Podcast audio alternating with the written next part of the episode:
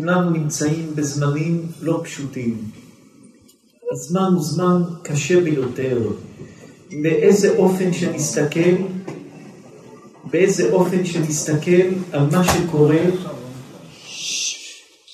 באיזה אופן שנסתכל על מה שקורה, הדברים הם דברים קשים ביותר.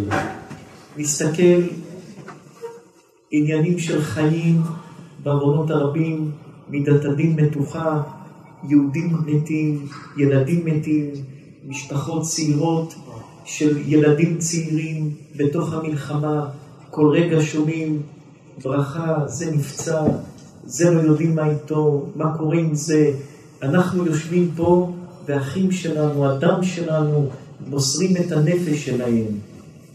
זה זמן של חרב. מי שחושב להתחבות במצב שבעם ישראל יש בעיות, הוא טועה טעות חמורה. כי מתי שמידת הדין ומלאך המוות נמצא בעולם ומכה במקום אחד, אז זה משפיע וזה נמצא בכל העולם כולו. וכל עם ישראל ערבים זה לזה, גם אנחנו פה באמריקה, שיושבים בשקט כביכול, ערבים זה לזה. היהודים שנמצאים בצער, וכל אזעקה בצער, וכל טיל שנופל בצער, אנחנו ערבים לזה. נסתכל מצד שני הפרנסה, הרבה אנשים בצער גדול ביותר בפרנסה. בארץ ישראל מאות אלפים של אנשים לא עובדים, יושבים בבתים, נמצאים בצער גדול, העניינים של הפרנסה קשים ביותר, הדברים קשים ביותר, הדברים יש מידת הדין גדולה וקשה, מתוחה בעולם. וכל אדם צריך לשאול את עצמו, מה עושים? ניתן לעוד יום לעבור, הגמרא אומרת, כל יום רעתו מרובה מחברתו, כל יום שעובר, הרעה, הצרה, והכל נהיה יותר בדוחק ויותר בצער. באופן כללי, אדם לא יסתכל על עצמו באופן פרטי, ניקח את העולם באופן כללי, ברחובות, שנאה ליהודים, בכל מקום, דברים קשים ביותר. מה אנחנו עושים? מה אנחנו עושים? מה, מה, מה, מה אנחנו עושים? מה אנחנו עושים בעולם? מה, איפה, מה אנחנו עושים בעולם? איך אנחנו ממתקים את הדינים? איך אנחנו ממתקים את הדינים? איך מורידים מיתוק הדינים לעולם? איך גורמים שיהיה מיתוק הדינים בעולם? איך גורמים שהקדוש ברוך הוא ישנה את הזמנים, ישנה טיל ומחליף את הזמנים, איך גורמים שהקדוש ברוך הוא ישנה את הזמן, איך גורמים שהקדוש ברוך הוא ישנה את הזמן הזה. צריך לבאר ולומר יסוד גדול. יש גמרא שמספרת שבזמן של רבי תנחומה היה שנת בצורת. וכבר דיברנו כמה פעמים מה זה שנת בצורת. בצורת הפירוש הקדוש ברוך הוא סוגר את הברכה. היום בצורת זה זמן שיש קושי בפרנסה. בצורת פעם זה היה לא יורד גשם, כל העולם, רוב העולם היה חי מתבואה, מחיטה, משעורה, מפירות, מירקות, מבהמות שמגדלים. שנת בצורת הפירוש, זמן שאין פרנסה, אין לאנשים פרנסה. היה שנת בצורת. והגמרא במסכת תענית אומרת, מתי שיש שנת בצורת, מה עושים? גוזרים תענית, תענית ראשונה, תענית שנייה, תענית שלישית, גוזרים תעניות, תענית ציבור, תענית יחידים, תענית של הצדיקים, גוזרים תעניות עד שהקדוש ברוך הוא יוריד גשם. באו לרבי תנחומה, אמרו לו רבי, שנת בצורת, תגזור תענית. גזר תענית ולא ירד גשם. עמד רב תנחומה ואמר, לגזור תענית זה טוב, אבל אולי בוא ננסה למצוא משהו אצלנו שלא בסדר, וננסה לתקן את המשהו שלא בסדר אצלנו. נתפלל, כן, תענית, נצום, נעשה תענית, נצא, נוציא את התיבה לרחבת העיר, נבכה להקדוש ברוך הוא, נתפלל שיוריד גשם. אבל טוב, אלה תפילות, זה דברים, נקרא להם במאמר המוסגר, אלה דברים טכניים, שיש בעיה, מתפללים. אדם שיש לו בעיה עומד ומתפלל. אבל בואו נחפש משהו אצלנו. זה מה שאומר הנביא, נחפש עד דרכינו ונשובה אל השם. בואו נחפש משהו אצלנו לא בסדר, שננסה לשוב אל השם, לתקן את מה שעשינו. הגמרא אומרת, אמר להם רבי תנחום, תצאו לרחוב ותחפשו אחד לשני מי שיש לו בעיה או צרה, ותעזרו אחד לשני. ואהבת לרעך כמוך, תעשו חסד, תעשו צדקה אחד עם השני. הגמרא אומרת, יצאו כולם לעזור אחד לשני, ופתאום ראו איזה אדם שהתגרש מאשתו, עומד ונותן לה כסף. רצו כולם לרב תנחומה ואמרו, תנחומה ואמרו לו, רבי, עכשיו נודע לנו למה יש שנת בצורת. אמר להם רב תנחומה, למה? אמרו לו, אותו אדם מתגרש מאשתו, והנה ראינו אותו נותן לה כסף. הם גרושים, מה הוא נותן לה כסף? קרא לו רב תנחומה ואמר לו, למה נתת לה כסף? אמר אותו אדם לרב תנחומה, הרב אמר לעזור אחד לשני, אפילו שהתגרשתי ממנה, אבל יש לה צער בפרנסה, הלכתי לעזור לה בפרנסה כמו שהרב ביקש. עמד רב תנחומה ואמר, בזכות האיש הזה, מה שעשה, הקדוש ברוך הוא תפתח ארובות השמיים ותוריד גשם. הגמרא מספרת, נפתחו ארובות השמיים וירד גשם, וכל הברכה הגדולה ירדה מהשמיים. הגמרא הזאת היא גמרא יפה, יש בה הרבה מוסר, יש בה לימוד גדול. אבל יש בה גם לימוד לדורי דורות, מה שכתוב בגמרא זה לדורי דורות שנלמד לעצמנו. יש בגמרא הזאת יסוד גדול שכל אחד צריך ללמוד לעצמו, כל אחד צריך לחזק לעצמו בכל, בכל הכוח. אנחנו נמצאים בשנת בצורת. כמו שהגמרא אומרת בזמן של רב שמואל בר נחמני, היה גם רעב וגם דבר, גם אנשים היו מתים. באו לרב שמואל בר נחמני ואמרו לו, תתפלל עלינו, שאל אותם על מה נתפלל, על הרעב שאין כסף או על זה שמתים אנשים, אמרו לו שאין כסף, נתמודד עם זה. תתפלל עלינו על זה שמתים אנשים שלא נמות. הוא אמר להם לא, אני אתפלל על הפרנסה ואחר כך על החיים. כי המלאך של הפרנסה והמלאך של החיים, השם שלו אותו שם. חתך, השם של המלאך של הפרנסה ושל החיים, זה אותו שם של מלאך. הוא אמר להם, מאן דייב חיי, יאב מזונה. מי שנותן חיים, הוא נותן מזונות. הפרנסה והחיים זה אותו מלאך שממונה על שתי הדברים. פרנסה וחיים זה אותו מלאך. התפלל עליהם על פרנסה, וגם על מחלות הדבר שהיה, נפסק מן העולם. צריך ללמוד פה יסוד גדול. יש זמנים שיש בהם זמנים קשים בפרנסה ובחיים. לכולם קשה בפרנסה. השם ישמור, מתו כבר בעם ישראל בתקופה האחרונה המון אנשים. ונרשום את זה הלאה להמשך של הקורונה, כמה אנשים מתו, עוד הרבה אנשים מתו. פעם התוחלת חיים הייתה 87 בשנה, אנשים היו חיים. צריך לדעת שכל עשר שנים שעובר, כביכול עם הרפואה, היה נוסף עוד שנתיים לחיים. פעם אנשים היו חיים 40 שנה, 50 שנה, לאט לאט זה עלה, הגענו ל-87 שנים תוחלת חיים. כביכול לפני חמש שנים או ארבע שנים, תינוק שנולד, מתי שהוא היה מגיע לגיל 80, אז זה היה עוד עם תוחלת חיים להגיע לגיל 100 או כמה. הבריאות והטכנולוגיה והדברים שהתקדמו, התוחלת חיים הלכה והתרחבה. היום העולם, התוחלת חיים שוב הצטמצמה ל-78 או 76, 79, עוד פעם הלכה והצטמצמה. מרוב אנשים שמתו ממחלות, מלחמות, דברים, התוחלת חיים באופן כללי הלכה והצטמצמה. אז יש מגיפה, העולם עובר שנים של מגפה, העולם היה דברים יותר טובים, החיים היו חיים יותר ארוכים, הפרנסה הייתה יותר ברווח, אנשים היו עושים דברים יותר ביישוב הדעת ויותר במציאות אחרת. הכל השתנה. אז זה שנת בצורת, זה שנת מגפה, אלה שנים של בצורת ומגפה. זה שלא מרגישים את זה ברגע רגע, והנה יושבים ושמחים וצוחקים במקומות מסוימים, אבל זה שנות, אלה שנים של מגפה, אלה שנים של רעב שעוברים על העולם. אז מה עושים? הולכים לרב תנחומה, הולכים לרב, ואומרים לרב, רב, מה עושים? הרב, מה עושים? מה חכמים מלמדים אותנו? מה היה עושים בזמן הגמרא? יושבים ועושים תענית, מתפללים. כל זמן איך התעניות שעושים. פעם התעניות עושים, היו יוצאים מחוץ לעיר, מוצאים את התיבה ושמים אפר על הראש של כולם ובוכים ועושים תענית כזו. היום התעניות הן בצורה אחרת, מתחזקים, קוראים ספר דברים, קוראים תהילים, צמים, אנשים מתחזקים בדברי תורה, כל פעם איך שהתעניות שגוזרים זה משתנה לדרך אחרת. אז גם עכשיו ברוך השם, לא אלמן ישראל, יראו כולם כמה התחזקנו כל אחד, אנחנו מכירים הרבה פנים שיושבים פה.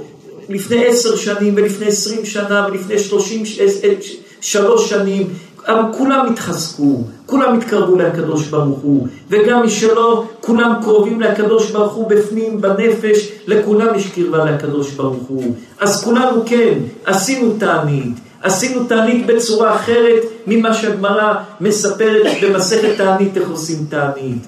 לכולם יש קרבה לשם, כולם מדליקים נרות שבת אנשים, כולם מתפללים יותר טוב, כולם נותנים יותר צדקה עם כל המצב, אז למה לא משתנה? למה לא משתנה? נשאל את הקדוש ברוך הוא, ריבונו של עולם עד מתי? למה זה לא משתנה? למה צריך שיהיה קורונה ונהיה שנה וחצי, שנתיים בפחדים? ולמה צריך שיהיה כאלה אסונות שימותו ילדים קטנים? ולמה צריך להיות פחדים שאדם לא יודע לצא לרחוב ללבוש כיפה או לא ללבוש כיפה, או איך ילך ברחוב? ולמה צריך אנשים להגיע לשאול שאלת רב אם הוריד את המזוזה בבית באמריקה? ולמה צריך שאלת רב מה לעשות אם לעשות כך או לעשות כך? כל החיים האדמה רעועה תחת הרגליים של כולם. ולמה כל אחד בלחץ בפרנסה ובלחץ בעסק, ומה יהיה? למה? אז מה התענית? עשינו תענית, עושים תענית. תענית שבמודרנית של הזמן הזה קוראים יותר ספר דברים, יותר תהילים, יותר שיעורי תורה, יותר מצוות, יותר התחזקות, ולא נהנים. למה לא נהנים? אז בואו נלך להמשך הסיפור של רב תנחומה. שמה אומר להם רב תנחומה? תצאו תעשו חסד אחד עם השני. כולם עושים חסדים היום. אנשים עושים צדקות מעבר לכוח שלהם. אנחנו לא יודעים אם היה דור שהיה בו צדקות כמו הדור הזה. כמה ישיבות יש, כמה בתי כנסיות יש, כמה תלמודי תורה יש, כמה ארגונים של חסד יש. אין רחוב שאין בו מקום של חסד של יהודים. מי כעמך ישראל, הקדוש ברוך הוא, אם יש עוד עם אחד עם חסד כמו שלנו, איפה העם הזה? תסתכלו כל אחד, גם האנשים הרשעים שבתוכנו. כולם בעלי חסדים, אין אדם, אפילו רשעים שבעם ישראל מלאים מצוות כרימון. אפילו הרשע שבעם ישראל, תגיע, תיכנס אליו, הוא מלא מצוות כרימון. אז כולם יש בנו מעשים טובים. אז למה לא נפלושנו? אז עשינו תענית, כמו שאמר רב תנחומה לעשות.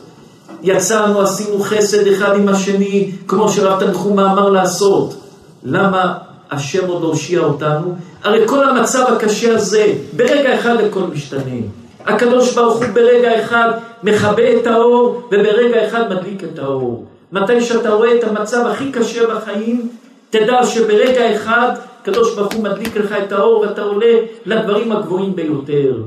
אנחנו כבר עשרות שנים רואים אנשים ונותנים שיעורים, ראינו אנשים בשפל, שלא היה להם מה לאכול, והם ידעו לתפוס את עצמם, אין אדם שאין לו שעה, הם ידעו לתפוס את הרגע, לעמוד בניסיון, לא ליפול, לתפוס את עצמם, והם הגיעו לדברים עצומים.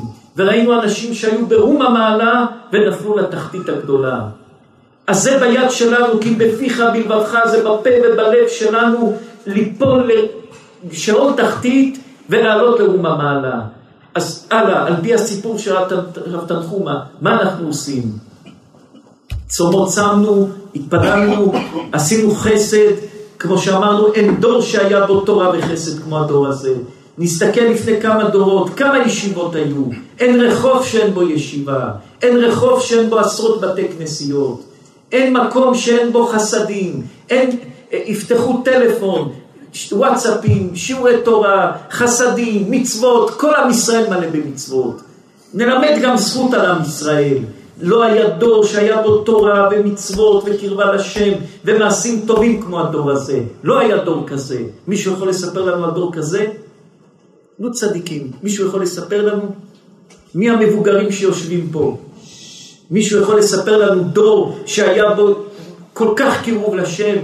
ותדעו צדיקים, אנחנו זוכרים את הסבא בבא סאלי, את הבבא מאיר, רבי משה אהרון פינטו. אנחנו יושבים על שלוש-ארבע דורות בזמנים, הדורות התקצרו. פעם דור היה חמישים שנה, אחר כך דור נהיה עשרים וחמש שנים, היום דור זה עשר שנים, ואנחנו חושבים שהיום דור זה כבר שנה וחצי, שנתיים. מה שעוברים בשנה וחצי, שנתיים זה כבר דור. אנחנו עוד זוכרים את בבא מאיר ובבא סאלי ורבי משה אהרון פינטו, וזוכרים עוד קדושי עליון מהדורות הקודמים. תדעו שיש בדור הזה תורה, ויש בדור הזה צדקות, ויש בדור הזה מצוות, ויש בדור הזה מעשים טובים שלא היה בשום דור. אמת, יש לנו המון חסרונות. יש לנו גם תשובות לענות לקדוש ברוך הוא. שהשאור שבעיסה ושעיבוד גלויות, ההתמודדויות שיש עם הטכנולוגיה החדשה ועם כל הדברים החדשים, אין לנו כלים להתמודד עם זה, לא למדנו על זה, לא לימדו אותנו רבותינו ואבותינו איך מחנכים ילדים עם אינטרנט ולא לימדו אותנו איך מחנכים אנשים עם כל, לא, לא יודעים איך לעשות את זה. אנחנו נמצאים באיזושהי סערה רוחנית כמו שהיה בזמן שהרומאים היו גוזרים לו ללמוד תורה והיו צריכים למצוא כלים איך להתמודד עם זה כמו שהרומאים היו אומרים תכתבו על קרן השורן היא חלק באלוקי ישראל והיינו צריכים ללמוד איך להתמודד עם זה אנחנו נמצאים בדור שיש בו ניסיון קיומי קשה שתוקף את האמונה בהקדוש ברוך הוא בצורה חזקה ביותר. מה נשאר הדבר האחרון? שנשבור את עמידת הדין הקשה הזאת. צומות צמנו, התפללנו, הוצאנו טבע בחוץ לעיר, על פי הדור הזה, חסד עשינו, לא היה דור כמו חסד של הדור הזה, מה נשאר לנו? שגם אם נראה אדם עושה עבירה, נגיד זו לא עבירה, מסכן הוא עשה שם מצווה. ונרד ונבדוק את העומק ונמצא גם טעויות שאנשים כביכול עושים, נכשלו, לא שמו לב, אל תשפוט את השני לקו חובה. בוא ננסה לשפוט את העולם לקו זכות. בוא ננסה לראות את מעלת חברנו ולא חסרונו. בוא ננסה להפסיק לשפוט את העולם כל היום ולראות את כולם בצורה שלילית. בוא ננסה קצת לחשוב טוב וחיובי על השני. לא לראות את כולם אשמים, כולם חייבים, כולם גנבים, כולם שקרנים. בוא ננסה להיות יותר חיוביים לעולם. מה עצר את אותו ימים שלא היה גשם אצל רב תנחומה? דבר אחד, אדם שנתן כסף לגרושתו, דיברו לשון הרע, באו לרב תנחומה, רב תנחומה קרא לו, אותו אדם אמר, לרב תנחומה, לא עשיתי כלום, אמרת לתת צדקה, נתתי לה צדקה. אמר רב תנחומה, בזכות זה ירד גשם. לא תענית, לא תענית ציבור, לא תפילה, לא צדקה, לא תשובה, כלום לא שבר את רוע הגזרה. מה שבר את רוע הגזרה? דבר אחד, תפסיקו ללמד חובה אחד על השני. להפסיק לשפוט את האנשים בצורה שלילית אחד לשני. זה מתחיל לו לשפוט את הילד הקטן, אתה לא יודע מה עובר עליו, הוא בא ומשתולל, אתה לא יודע מי פגע בו בגן, זה ממשיך לו לפגוע בילד, זה ממשיך לו לפגוע באישה והאישה לא בבעל, זה ממשיך לו לפגוע בשותף, זה ממשיך לו לפגוע באדם בכביש, תתחיל לדון את העולם לכף זכות. כי שמחה מדבקת, ועצבות מדבקת, וכעס מדבק, אם אנחנו פה כולם שמחים, זה מדביק אחד את השני. אם רק אחד פה יישב ויכניס בראש שלו מחשבות לא טובות, זה מדבק אחד את השני. אדם צריך לקחת את החיים לקו זכות. מי שלא לוקח את החיים לקו זכות, והוא הולך לכביש של כורכר, לכביש שהוא כולו מלא בחורים, לכביש שהוא כולו מלא בדברים לא טובים, הוא נופל ונופל ונופל ונופל, וצריך להיזהר מהליצנות.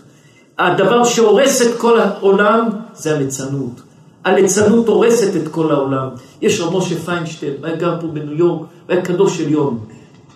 ואחד הפוסקים הגדולים, יש הבדל בין צדיק לבין חסיד לבין פוסק הלכה. פוסק הלכה זה אדם שצריך לפסוק הלכה. מה זה לפסוק הלכה?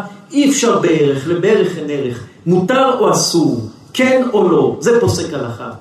אצל חסיד, צדיק, הוא יכול להגיד לך, תעשה דבר, בזכות זה עם מיתוק הדינים, פוסק הלכה הוא צריך להגיד לך מה ההלכה, כן או לא. אם זה כן, מותר. אם זה לא, הוא יכול לגרום לך לעבור עבירות דאורייתא. פוסק הלכה צריך להיזהר במילים שלו. רב יכול לתת דרשה, זה יפה, להתחזק. פוסק הלכה הוא צריך לפסוק, כן או לא, מותר או אסור, אה, אה, כשר או טרף. מה? רב משה פיינשטיין היה אחד הפוסקים הגדולים שכל ההלכות של הדור הזה נשענים עליו. המון מהפסקים נשענים עליו. וגר פה באמריקה, הוא נתן את דעתו על טיפולי פוריות, הוא נתן את דעתו על פת עקום, על חלב עקום, על כל, כל היסודות שבאמריקה אנחנו מתמודדים איתם ביום יום, רובם נשענים על הפסקים של רב משה פיינשטיין. נפטר לפני יותר מ-40, 30 וכמה שנים, 40 שנה, 30, כמעט 40 שנה. ורב משה פיינשטיין מספר באחד ההקדמות לספר שלו אגרות משה. מספר משהו מפחיד. הוא אומר לפני שהוא עלה לאמריקה, כלומר לפני 90 שנה, 80 שנה, הוא היה רב באיזה עיר ברוסיה. והיה פרשות השבוע האלה, שפרשת השבוע, מה שהתורה מספרת, שהיה עם לוט, שלוט ברח, המלאכים הוציאו אותו מהבית עם שתי הבנות שלו, וברחו, והיו באותו מערה, ברחו, כי חשבו כל מה שקרה ממה שהיה. והרב נתן דרשה, רב משה פיינשטיין נתן דרשה בבית כנסת, הוא עוד היה צעיר, נתן דרשה. עבר שבת. מוצאי שבת, או יום ראשון, כותב כך בהקדמה של הספר שלו, שהוא פוסק הלכה וכל מילה מדויקת בדיוק. קוראים ואומרים לו שאחד מהבעלי בתים החשובים של הקהילה, אחד האנשים העשירים החשובים של הקהילה, חולה מאוד וקורא לו. רב משה פיינשטיין שמע, רץ מהר. אותו אדם היה כל הפנים פה שלו מעוות והיה נראה לו טוב. ואמר לרב משה, משה פיינשטיין, אמר לו, היית בשבת בבית כנסת, היית בשיעור, היית ב... מה קרה לך? מה? אתה אדם צעיר, מה, מה קרה לך? אמר אותו אדם לרב משה פיינשטיין, אני רוצה לגלות לרב סוד, להגיד לרב סיפור. רב משה פיינשטיין אמר לו מה? הוא אמר לו, סיפרו את הסיפור של לוט עם הבנות שלו, ואני יצאתי וצחקתי, ואמרתי, בנות היו עם אבא שלהם, נהיו בהיריון מאבא שלהם, וצחקתי. הוא אומר, בלילה חלמתי שתי בנות לבושות כמו לבוש ערבי בצניעות גדולה, ובאו ואמרו לו, תדע, אנחנו הבנות של לוט, ודיברת עלינו לשון הרע, ותדע שכל מה שעשינו היה לשם שמיים, כי האמנו שהעולם נחרב ורק אנחנו נשארנו במערה. ותדע שהיינו בצדקות גדולה, והיינו יכולים להגיד שהתעברנו ממלאך או ממישהו מכל מיני סיפורים, אבל ידענו שיבוא דור שיספרו כזה סיפור, והדבר הזה יכול להוריד באמונה, ולא סיפרנו את זה, ולקחנו את הבושה על עצמנו, וזה שעשית ומה שעשית, אין לך מחילה, אתה תצטרך למות. הוא גילה, סיפר את זה לרב משה פיינשטיין, הסתובב ויצא נשמתו. ורב משה פיינשטיין כותב בהקדמה לאגרות משה, שהוא כותב את זה, שהסיפור הזה יהיה לעילוי נשמתו, לתועלת לנשמתו על מה שהוא עשה. אז אדם לפעמים יושב, מדבר, מתיר לעצמו לפרוץ גדרים, מתיר לעצמו לספר סיפורים. אדם הולך הפה לצנות, לצנות אחת, דרוכה אלף תוכחויות. לצנות אחת. אמרנו שבוע שעבר באחד השיעורים דבר מפחיד.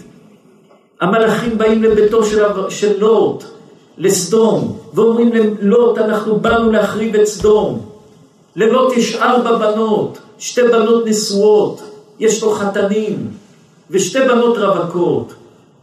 שומעים בסדום שלוט יש לו אורחים בבית, צריך לדעת, סדום זה היה העיר הכי עשירה בעולם. ואנשים שם אמרו, אנחנו לא רוצים תיירים, לא רוצים חד... עולים חדשים, מי שיבוא לפה רק ייקח לנו את הברכה, הכסף שלנו, לא רוצים אורחים, לא רוצים אף אחד, הכל שלנו. ולוט, נשאר אצלו עוד הגנים של אברהם אבינו לקבל אורחים, והוא ראה מלאכים, ובאו לביתו, באו כל השכונה כולה, באו כל סדום, וביקשו להוציא את האנשים, לדעת אותם, לעשות בהם מעשים רעים. לוט יוצא אליהם, ואומר להם, יש לי שתי בנות רווקות, קחו, תעשו בהם מה שאתם רוצים, תעזבו את האורחים. הם אומרים לו, לא, רק, רק את הבנות, רק אותם, רק את השתי אנשים. התורה הקדושה מספרת לנו, המלאכים הוציאו את היד, הכניסו את לוט לתוך הבית, סגרו את הדלת, והתורה אומרת פסוק, ואת האנשים אשר פתח הבית היכו בסמרים, מקטן ועד גדול, ואליו למצוא את הפתח. ואומרים רבותינו חכמי הקבלה, שהפסוק הזה הוא סגולה, שאם מישהו מנסה לפגוע בך להגיד את הפסוק הזה, ואתה ניצל. אז הבנים, הבנות של לוט, ארבע בנות, והשתי חתנים שלו, מה רואים? רואים איך שתי אנשים עושים נס, כל העיר נהיית עיוורים. הרי מי יכול, אדם יכול לעשות את השני עיוור?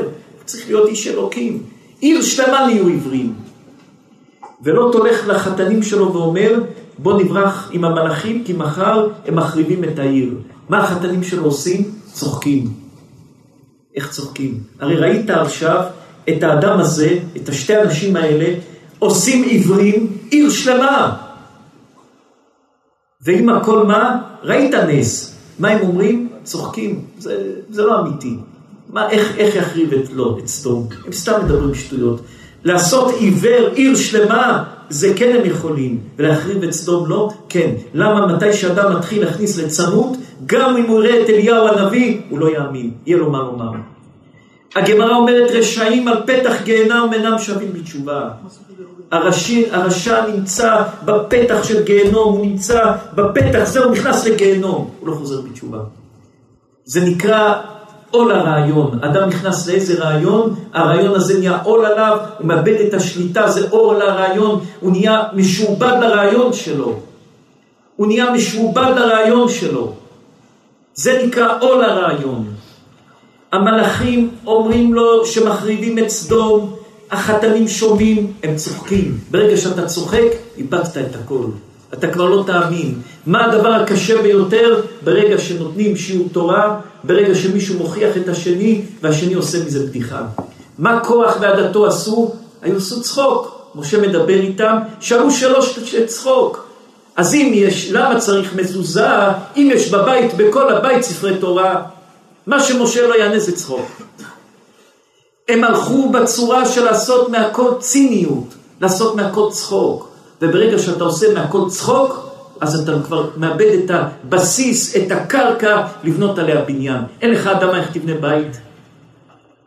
אז גם המלאכים, גם לא, ראו שהם עושים את כל העיר עיוורים, עשו צחוק. עשית צחוק, איבדת את הכל. ברגע שבן אדם עושה קלות ראש, ואדם נכנס לקלות ראש, מאבד את הכל. רב פנחס מקורליץ היה קדוש עליון, מהתלמידים של הבעל שם טוב, מהקודש קודשים הגדולים. היה אדם שהיה בא, בא לרב פנחס מקורליץ ואמר לו, אין לו פרנסה. איך, מה יעשה שיהיה לו פרנסה? שאל אותו רב פנחס מקורליץ, מה אתה עושה? רב פנחס מקורליץ הבין שהוא כל היום אומר בדיחות לאנשים לצחוק. לא אדם שהולך לשמח חתן בכלה, או אדם שהולך, אלא אדם סתם בטחן, אדם סתם שכל היום רק מצחיק אנשים. לא להצחיק אנשים לקלות ראש. אמר לו פנחס מקורליץ, תדע, כל עוד שאתה סתם צוחק כל היום, השם נותן לכל אדם כמה להיות שמח ביום.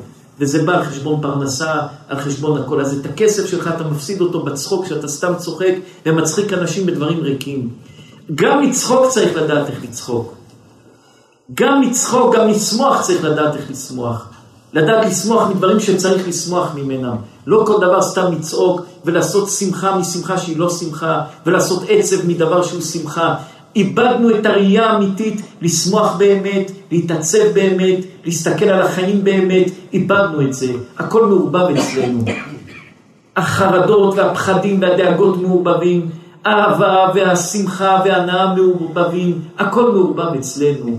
ועד שלא נדע לסדר את הראש שלנו ולשים כל דבר במקום הנכון שלו, אז אנחנו ממשיכים לחיות בחיים שהכל בלגן, ולחיות בחיים שהכל בלגן, אין לאדם יישוב הדעת, הכל הפוך.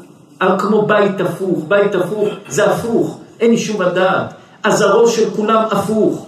למה קוראים לסידור תפילה סידור? כי זה עושה סדר בראש של האדם, זה מסדר לאדם את הראש. זה מסדר לאדם את הראש, את החיים, מסדר לאדם שחרית, מנחה, ערבית, קריאת שמע למיטה, תיקון חצות, מסדר לאדם את החיים. ברגע שאדם נכנס לאיזשהו משהו, לאיזה חלום, הוא חולם שהוא איש גדול, הוא חולם שהוא משהו גדול, הוא מאבד את הרגליים בקרקע, עובר זמן, הוא מתעורר, הוא בכלל לא נמצא, הוא איבד את הכל. תמיד תהיה עם רגליים בקרקע, תמיד תהיה עם רצינות, תמיד תחשוב איך שצריך לחשוב, ותמיד תיקח את החיים, לא בשביל שרגע אחד כולם יצחקו ואתה תהיה מקובל בחברה, תהרוג מישהו ותבזה מישהו. אלא תדע איך לשים את המקום שלך במקום הנכון ובמקום הרציני ביותר. ומתי שאדם כך הולך, הוא פותח לעצמו את הדרך ללכת לדרך של אמת. ואם אדם פורץ לעצמו את כל הגבולות, פורץ לעצמו את כל הדברים, ומתנהג איך שהוא רוצה, והולך איך שהוא רוצה, הוא מאבד את כל המהות של החיים שלו. מישהו צדיקים רוצה לומר דבר? מחילת צדיקים. היה פעם תורה כמו בדור הזה? תענו לנו צדיקים. היה תורה כך? אריאל היה כך תורה? אנחנו לא היינו בדור אחר לדעת. מחילת צדיקים, אנחנו יודעים מה היה. אנחנו לא היינו בדור אחר לדעת, אנחנו יודעים אבל מה היה. חזקיה המלך מדן עד באר שבע, איפה אמריקה? עוד לא גילו אותה, היה את אמריקה? איפה כל העולם לא היה תורה כמו התורה שיש בדור הזה? תלכו תראו ישיבות, אלף תלמידים, אלף חמש מאות תלמידים, שלושת אלפים תלמידים, בכל מקום כולל, כולל חצות, כולל... לא היה תורה כמו הדור הזה. לא היה תורה כמו הדור הזה. הגמרא אומרת, אדם שלא יודע לעשות קידוש בשבת, האם אשתו יכולה לעשות קידוש ולהוציא אותו ידי חובה. היה דורות שקידוש לא היו יודעים לעשות. יש יהודי שלא יודע לעשות קידוש? יש יהודי שלא יודע לעשות קידוש היום? נפסיק לראות את הרע של עם ישראל, ננסה להסתכל על החיובי של עם ישראל, לראות איזה אהבת חינם. הנה יהודים בצרה, אנשים הולכים, מוסרים נפש, נותנים את הכסף שלהם, מבשלים לאנשים, נותנים לאנשים, אוספים לאנשים. איפה יש כזאת אהבת חינם? מתי שהיה באוקראינה את המלחמה, הלכנו לאחד הגבולות וראינו, עוזרים לאנשים. כל מי שעוזר לאנשים, רוב המתנדבים, מי? מדברים עברית יהודים. עוזרים חסד שיש בעם ישראל, אין חסד כזה בשום אומה בעולם. אומרים את זה ובוכים. אין חסד כמו עם ישראל בשום אומה בעולם. אין חסד כזה. השלושה דברים העולם עומד, על התורה ועל העבודה ועל גמילות חסדים. אלה שלושה דברים שהם הרגליים של העולם. תורה, עבודה, תורה זה ללמוד תורה, מה שאנחנו עושים פה עכשיו. עבודה זה תפילה וחסד. ויש לנו את זה יותר מכל הדורות. ולמה קשה? בגלל מה שאמרנו עליו תנחומה. אחד דן את השני לכף חובה. מתי שנפסיק לדון אחד לכף חובה, כל הבעיות ייפתרו. כי צדיקים, רבי יעקב היה חסד כמו הדור הזה, כל אחד יחשוב בעצמו כמה צדקות כל אחד נותן. כל אחד יפתח לעצמו את הצדקות שהוא נתן בעשר שנים האחרונות. כל אחד יפתח לעצמו כמה שיעורי תורה הוא שומע ביום. כמה דברי תורה הוא שומע ביום. כמה תפילות הוא מתפלל, גם אם לא בבית כנסת, בלב, באוטו, מדבר עם אלוקים, כמה תפילות. לא היה כזה דבר. לא היה כזה דבר. לא היה כזה דבר. אז למה יש לנו עוד בעיות? למה יש עוד קושי של פרנסה? למה יש עוד יהודים שמתים? כי אנחנו דנים אחד לקו חובה את השני. יש אחד היסודות של הדברים שאנחנו אומרים תמיד זה על רבי עקיבא. רבי עקיבא נתנו אתמול שיעור במיאמי על רבי עקיבא, על הגדולה שלו, על המעלה שלו, רבי עקיבא, הרב של רבי שמעון בר יוחאי, מי יכול לעמוד ליד הדרגה של רבי עקיבא? תחילתו היה איש פשוט. הלך לעבוד אצל רבי, רבן גמליאל. רבי אלעזר בן... אצל... הלך לעבוד אצל רבי אליעזר, בן אורקנוס. עבד אצלו. הוא לא שילם לו. הוא אמר לו, אני אשלם לך לפני שתלך. שנה עבד, שומר לו את הכסף. שנתיים עבד, שומר לו את הכסף. אחרי שלוש שנים אומר לו, ראיתי את אשתי שלוש שנים ואת הילדים, תן לי ללכת. אמר לו, אין בעיה, לך. אמר לו, תשלם לי, שלוש שנים עבדתי. אמר לו, אין לי כסף. אמר לו, אז תיתן לי בגדים. אמר לו, אין לי בגדים. אמר לו, אז תיתן לי פירות. אמר לו, אין לי פירות. אמר לו, תן לי משהו, שלוש שנים עבדתי. אמר לו, אין לי כלום. הגמר אומר, שם את המכה, את התרמיל על הגב והלך לביתו. זה היה בערב יום כיפור. בחג, בסוכות, רבי אלעזר בן אורקנוס הלך לרבי עקיבא, שרבי עקיבא היה בור ועם הארץ, איש פשוט, פועל פשוט, אדם פשוט, אדם כלום. שואל אותו רבי אליעזר בן אורקנוס, עקיבא, רבי עקיבא, זה היה אדם אחד, הגמר אחר כך אומר שזה היה רבי עקיבא, שאל אותו, מתי שביקשת ממני כסף ואמרתי לך אין לי, מה חשבת עליי? אמר לו רבי עקיבא שבא לו איזה עסק גדול, הוא השקיע את הכל ואין לו כסף. הוא אמר לו מתי שביקשתי פירות, מה חשבת עליי? הוא אמר לו חשבתי שמא הוא חושב שאני עם הארץ ואני לא יודע לעשר פירות, הוא לא רצה לתת לי פירות, כי הם לא מאוסרים. הוא אמר לו מתי שביקשת משהו ואמרתי לך אין לי, מה חשבת? הוא אמר חשבתי אולי, הוא אמר נדר כל מה שיש לי לשם אסור לי לגוע בכלום. אמר לו רבי אליעזר בן אורקנוס, כמו שדנת אותי לכף זכות, כך ידונו אותך מן השמיים לכף זכות. אומרים רבותינו הקדושים, שהיה לרבי עקיבא המון קטרוגים בשמיים שהוא לא יצליח להיות רבי עקיבא. היה לו הרבה דברים לסגור עליו שהוא לא יהיה גדול. באותו רגע שהוא דן אותו לכף זכות, בשמיים גם דנו אותו לכף זכות, נפתח לו הכל ומשם הוא נהיה רבי עקיבא. נשב ונחשוב אנחנו, בן אדם יעבוד אצל מישהו חודש, הוא לא ישלם לו, מה הוא יגיד? גנב, רמאי, שקרן, נוכל, התקשר לכולם, ראית הגנב הזה, ראית השקרן הזה, ראית הנוכל הזה. שלוש שנים הוא עבד, ערב יום כיפור. הוא אומר לו, אין לי כלום. מה הוא אומר? אין מסכן. ומשם הוא נהיה רבי עקיבא. כל בן אדם היה לו מציאות לא לדבר לשון הרע. כל בן אדם עמד במשבר, כולנו בחיים עומדים בפרשות דרכים כל יום. ואם אתה יודע לא לקחת את המילה שלו לומר, מילה שלא נאמרת היא יותר חזקה ממילה שנאמרת.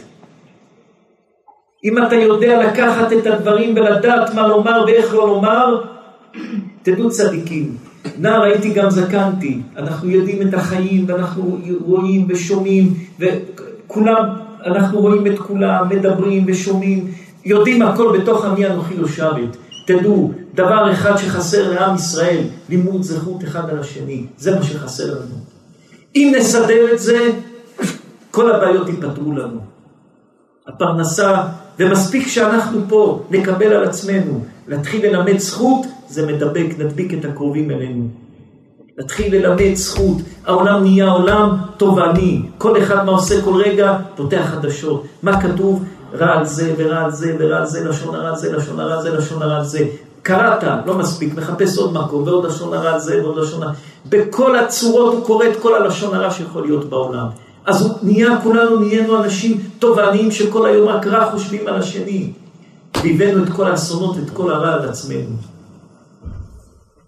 בואו ננסה להוסיף עוד דבר אחד, כמו רב תנחומה, לדון לכף זכות אחד את השני.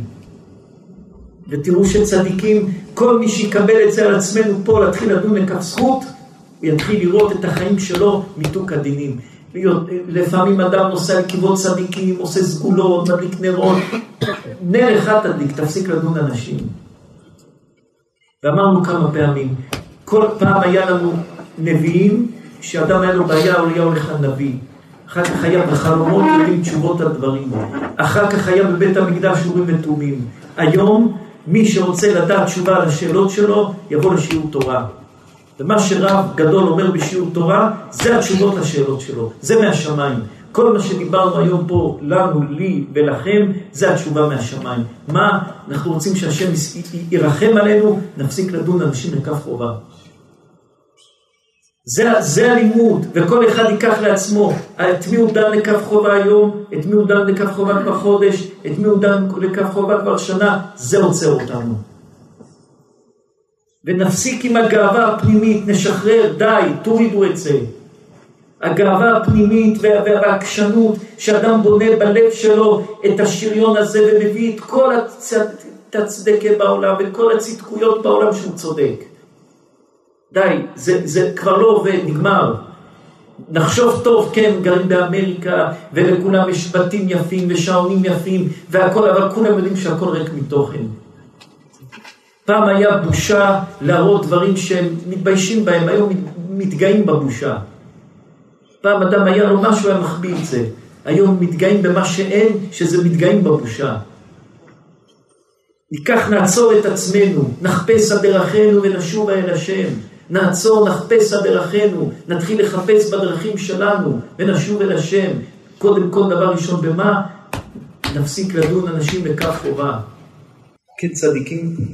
הרב בגמרא שרבי מאיר היה לומד תורה מאלישע בן אבויה. וכשרבי מאיר נפטר מן העולם, אליהו הנביא פגש את אה, רבי נתן כמדומני. רבי נתן. והוא אמר לו שהקדוש ברוך הוא אומר דברי תורה בשם כל החכמים חוץ מרבי מאיר כי הוא למד תורה מאחר.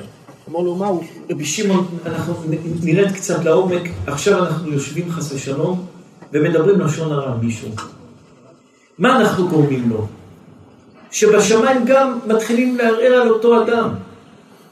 מה עשה קורח ועדתו, ומה עשה שימי בן גרה לדוד?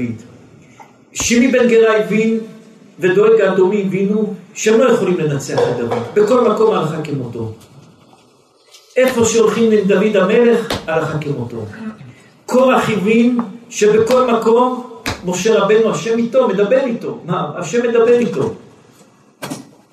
אז איך הם רצו להפיל אותו, מה הם עשו? התחילו להפיץ עליו שמועות. ויקנו למשה במחנה, חשדו אותו באשת איש. משה רבנו אשת איש, אה, סיפורים. משה רבנו עלה במשכן השמין, למה? הוא גונב כסף שבונים את המשכן. משה רבנו יגנוב כסף. דוד המלך, מה עשה דואג אדוני? לשון הרע, הלך עם אשת איש. מה הם עשו בזה?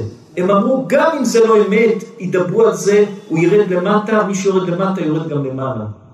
הם ניסו להוריד את הגדולה שלהם בלשון הרע למטה, שירד גם הגדולה שלו למעלה.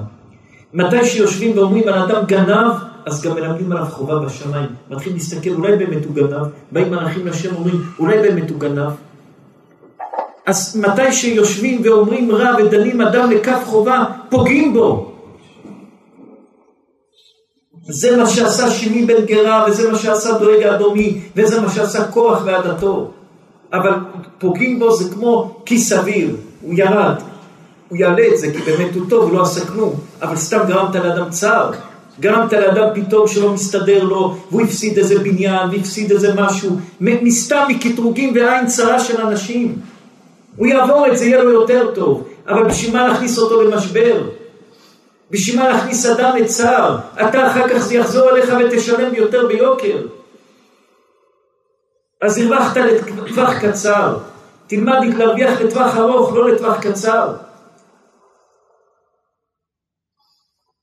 אז רבי מאיר, מה היה עם רבי מאיר? שרבי מאיר, כולם היו אומרים, הוא למד תורה מאישה בן אבויה, אז השם לא למד תורה בשמו. מתי שלמטה הפסיקו לדבר את זה ומישהו אמר לא, הקדוש ברוך הוא חזר ללמוד תורה בשמו. אז, אז עכשיו, רציתי לשאול, האם אדם שמלמד זכות על חבר, על אדם, והוא לא מאמין באמת, הוא רק אומר את זה כלפי חוץ. עכשיו למדנו מהרב ללמד זכות. האם גם בזה יש בזה כוח? או רק כשאדם מאמין בכף זכות שהוא אומר? גם בזה יש כוח, כי אדם, אדם ממציא מהפה שלו, זה כמו אדם ששם משהו עם ריח רע פה, יש ריח רע. משהו עם ריח טוב, יש ריח טוב, אנחנו מזהמים את, ה, את האוויר הרוחני בלשון הרע, בדברים לא טובים. בואו נתאר, היום עושים אה, כדור הארץ שיהיה נקי, כבר אה, שלא עושים כך ולא עושים כך, שיהיה נקי. בואו ננקה את כדור הארץ מכל הלשון הרע ומכל הרכילות ומכל, ה, ומכל הדברים הלא טובים ומכל החוסר צניעות. בואו ננקה את העולם מזה. גבריאל צדיק, ודאי שהשם ידע, אבל דיברו למטה, זה משפיע למעלה. מפה רואים כמה צריך להיזהר שמה שמדברים למטה. הרב מפיבושת, שדוד המלך קיבל ממנו לשון הרע. נקראה מלוכה. אסור, אה, אה, נקראה מלוכה, מלכות בדוד נקראה על לשון הרע שדוד המלך קיבל על מפיבושת. ואפילו שדוד המלך מלך, בוודאי היה לו אה, ראש שב"כ שאומר לו מה קורה, ארגון חשאי, וארגון חשאי תמיד צריך להתריע, ובאו להתריע ולהגיד לו שמפיבושת, הבן של שאול המלך, מתחיל ללכת לעשות תנועות שהוא רוצה להיות בפוליטיקה ולהיכנס, ואולי גם הוא להיות מלך. דוד היה חייב לשמוע, אבל הוא היה צריך להגיד לו, מאה תשתוק.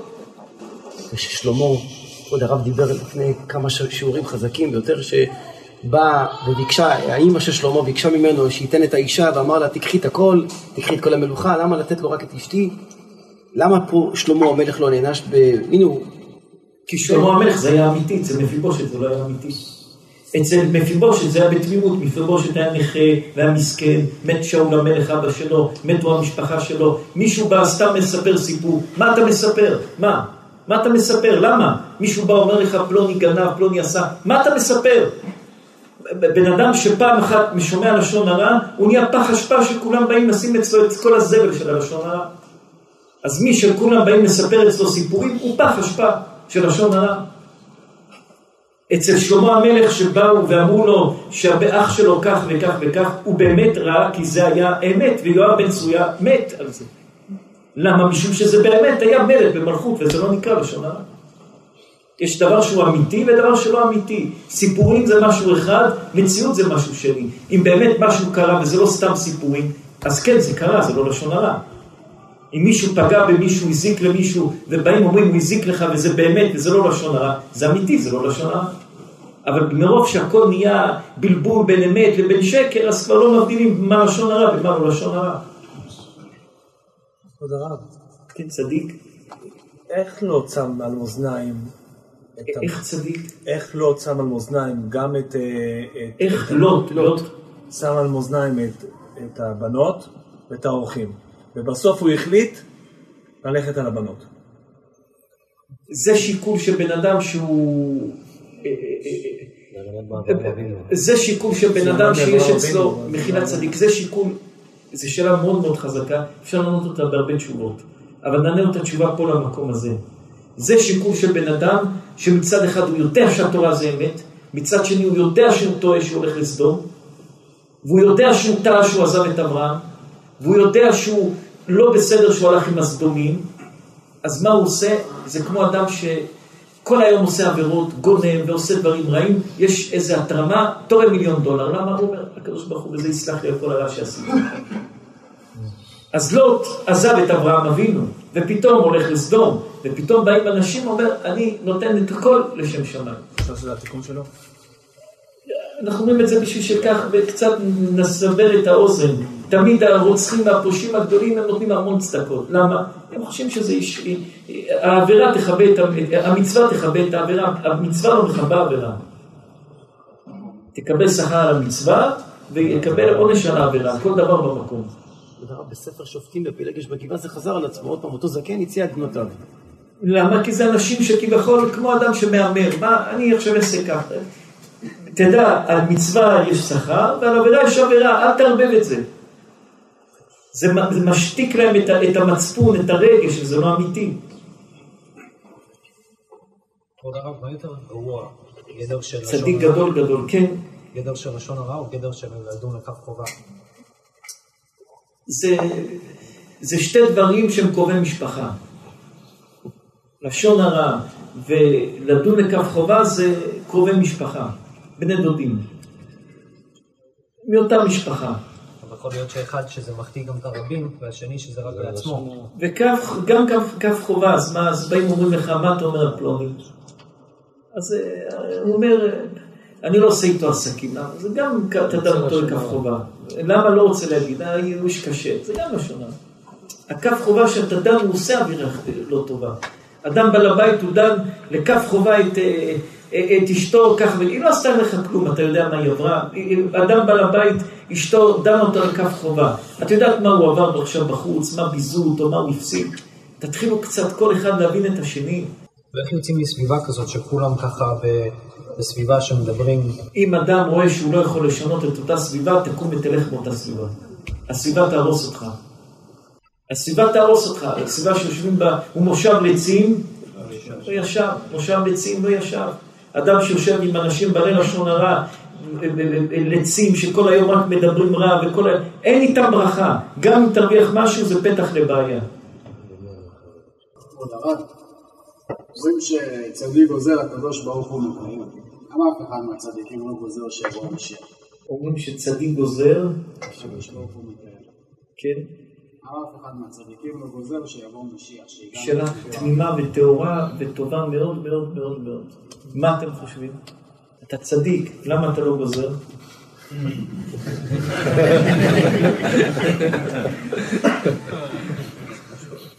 נו, הרב אמר שאם יש 22 אלף איש, משום שזה המשיח שהקדוש ברוך הוא יביא אותו, הכל ביד של הקדוש ברוך הוא, אבל הקדוש ברוך הוא נתן לנו את הכלי קיבול איך לקבל את הגאולה. ואם המשיח יבוא בצורה שהיא לא צורה שהיא בריאה שהוא יבוא, אז איך יבוא? אין לו לאיפה לבוא. כמו שאדם אומר, אה, תביא לפה משהו שלא יכול להיכנס לפה. צריך גם להיות מציאותי, צדיק יכול לגזור, דבר שיש בו בית קיבול איפה להיכנס. אם אנחנו לא כלי קיבול לקבל את המשיח, לאיפה הוא יבוא? מה הוא יבוא? אנחנו צריכים להיות כלי, קיבול. אנחנו נהיה כלי קיבול מתי שנהיה כלי קיבול אמיתי. עכשיו, או בדור שכולו זכאי, ואנחנו נהיה כולנו זכאים ואז המשיח יבוא, או בדור שכולו חייב, יהיה איזה ריסוק, ואז נהיה קטושים, ואז הוא יבוא על מקום קטוש. אתם מבינים צדיק? אז צדיק יגזור מה? תבוא המשיח. היה צדיקים שעשו את זה. היה צדיקים שהלכו, שסגרו את עצמם במערה ועשו תעניות וצומות ועשו את הכל ורצו להשביע ולכפות את הקדוש ברוך הוא להביא את הגאולה. רבי יאשיהו פינטו, הסבא הגדול, הוא היה בזמן, הוא היה מחותן של רבי חיים ויטל. בתקופה שלו הם הלכו שלושה חכמים, רבי יאשיהו פינטו בשאלות ותשובה שלו, מתכתב עם מעריץ העלון, עם כל הגדולים של הדור. כל האימהות שלכם ושלנו שטובלות במקווה חם, זה בזכות הסבא שלנו, רבי יאשיהו פינטו. כי השולחן ערוך, מרן הבית יוסף פוסק להלכה, שאסור לחמם מקווה לאישה. מקווה מחומם, לא טוב. האישה טובלת, לא טוב. ככה הוא פוסק להלכה. הבן איש חי מביא, ועוד מפרשים מביאים, שהסבא שלנו, רבי יאשיהו פינטו, הריף דן יעקב, שמע את רבי יוסף קארו חוזר בו, שאומר שמותר לחמם את המקווה. אז כל המקווה של הנשים הספרדיות שהיום מחממות וטובלות, זה על מה שרבי יאשיהו פינטו שמע את הבית יוסף חוזר בו, שמותר לטבול במקווה לנשים במקווה חם. הרמה מתיר מכתחילה, לספרדים אסור. אז כל נשות ישראל מהבית יוסף שהלכה בני ישראל, בני ישראל הולכים, הספרדים הולכים על פי הבית יוסף, כל הספרדיות שתוכלות למקווה חם מתבססות על מה שרבי יהושע פינטו שמע את הבית יוסף חוזר בו. אז הוא הלך להסתגל עם עוד שתי צדיקים במערה ואמרו שלא יצאו עד שיבוא המשיח, היה יום שישי, באו ואמרו לו שהבן שלו יוסף דקרו אותו בלב, ערבים והרגו אותו, הוא היה בצער, הוא עזב את ארץ ישראל, את צפת, הלך לסוריה, הוא כתב אז את הספר, אה, פירוש על עין יעקב מאור עיניים, כותב בהקדמה, אמר, אמר יאשיהו בלב נשבר נתקה על מות בן, בן פורת יוסף, בן פורת המעיים, והוא כותב את כל ההקדמה, צער, לעילוי נשמת הבן שלו, שדקרו אותו, שהוא הרגיש שבגלל שהוא כפה את הגאולה לבוא, אז הקדוש ברוך הוא לקח את הבן שלו. אם תעירו ואם תעוררו את האהבה שתחפץ. אסור לעשות דברים, לכפות, להביא את הגאולה. אמרה הגמרא על רבי חייא. רבי חייא ובניו, רבי הקדוש. מי, מי, מי רוצה צדיקים לומר עוד דבר? עכשיו חז"ל אמרו שהמשיח יבוא בדור שכולו זכאי כל חייו. אז איך יכול להיות דור שכולו זכאי? אומר רבי נחמן שעל ידי, מתי שדנים את האדם לכף זכות, למטה, אז גם למעלה, בשמיים הוא נהיה זכאי. אז מתי שיהיה דור שכולם דנים לכף זכות, אז זה יכול להיות מצב שדור שכולו זכאי. חזק צדיקים, רבי גבריאל צדיק, ברוך השם, כולם אהובים, כולם חביבים. בבקשה צדיקים תתחזקו בספר דברים בשבת, תדעו, זה כוח של משה רבנו עצום. בזוהר הקדוש, זוהר הקדוש הוא שומר ומציל מכל דבר רע. בבוקר בלימוד שלה בסירום מיום ליום, יש בזה כוח לכל היום להצלחה ולשמירה. בכל התורות של שובה ישראל, זה משהו לנפש, זה תורות שמרפאות את הנפש, זה תורות שמחזקות את הנפש של כולנו. ובעזרת השם הקדוש ברוך הוא ישפיע שפע גדול, ונזכה בעזרת השם לאור גדול, גיל צדיק, יהיה בבית הזה ברכה גדולה, שפע, שמחה, הצלחה, טוב, אתה נשמה טובה, הקדוש ברוך הוא ישפיע שפע גדול לכל האנשים, ובעזרת השם נזכה כולנו לגאולה שלמה בקרוב.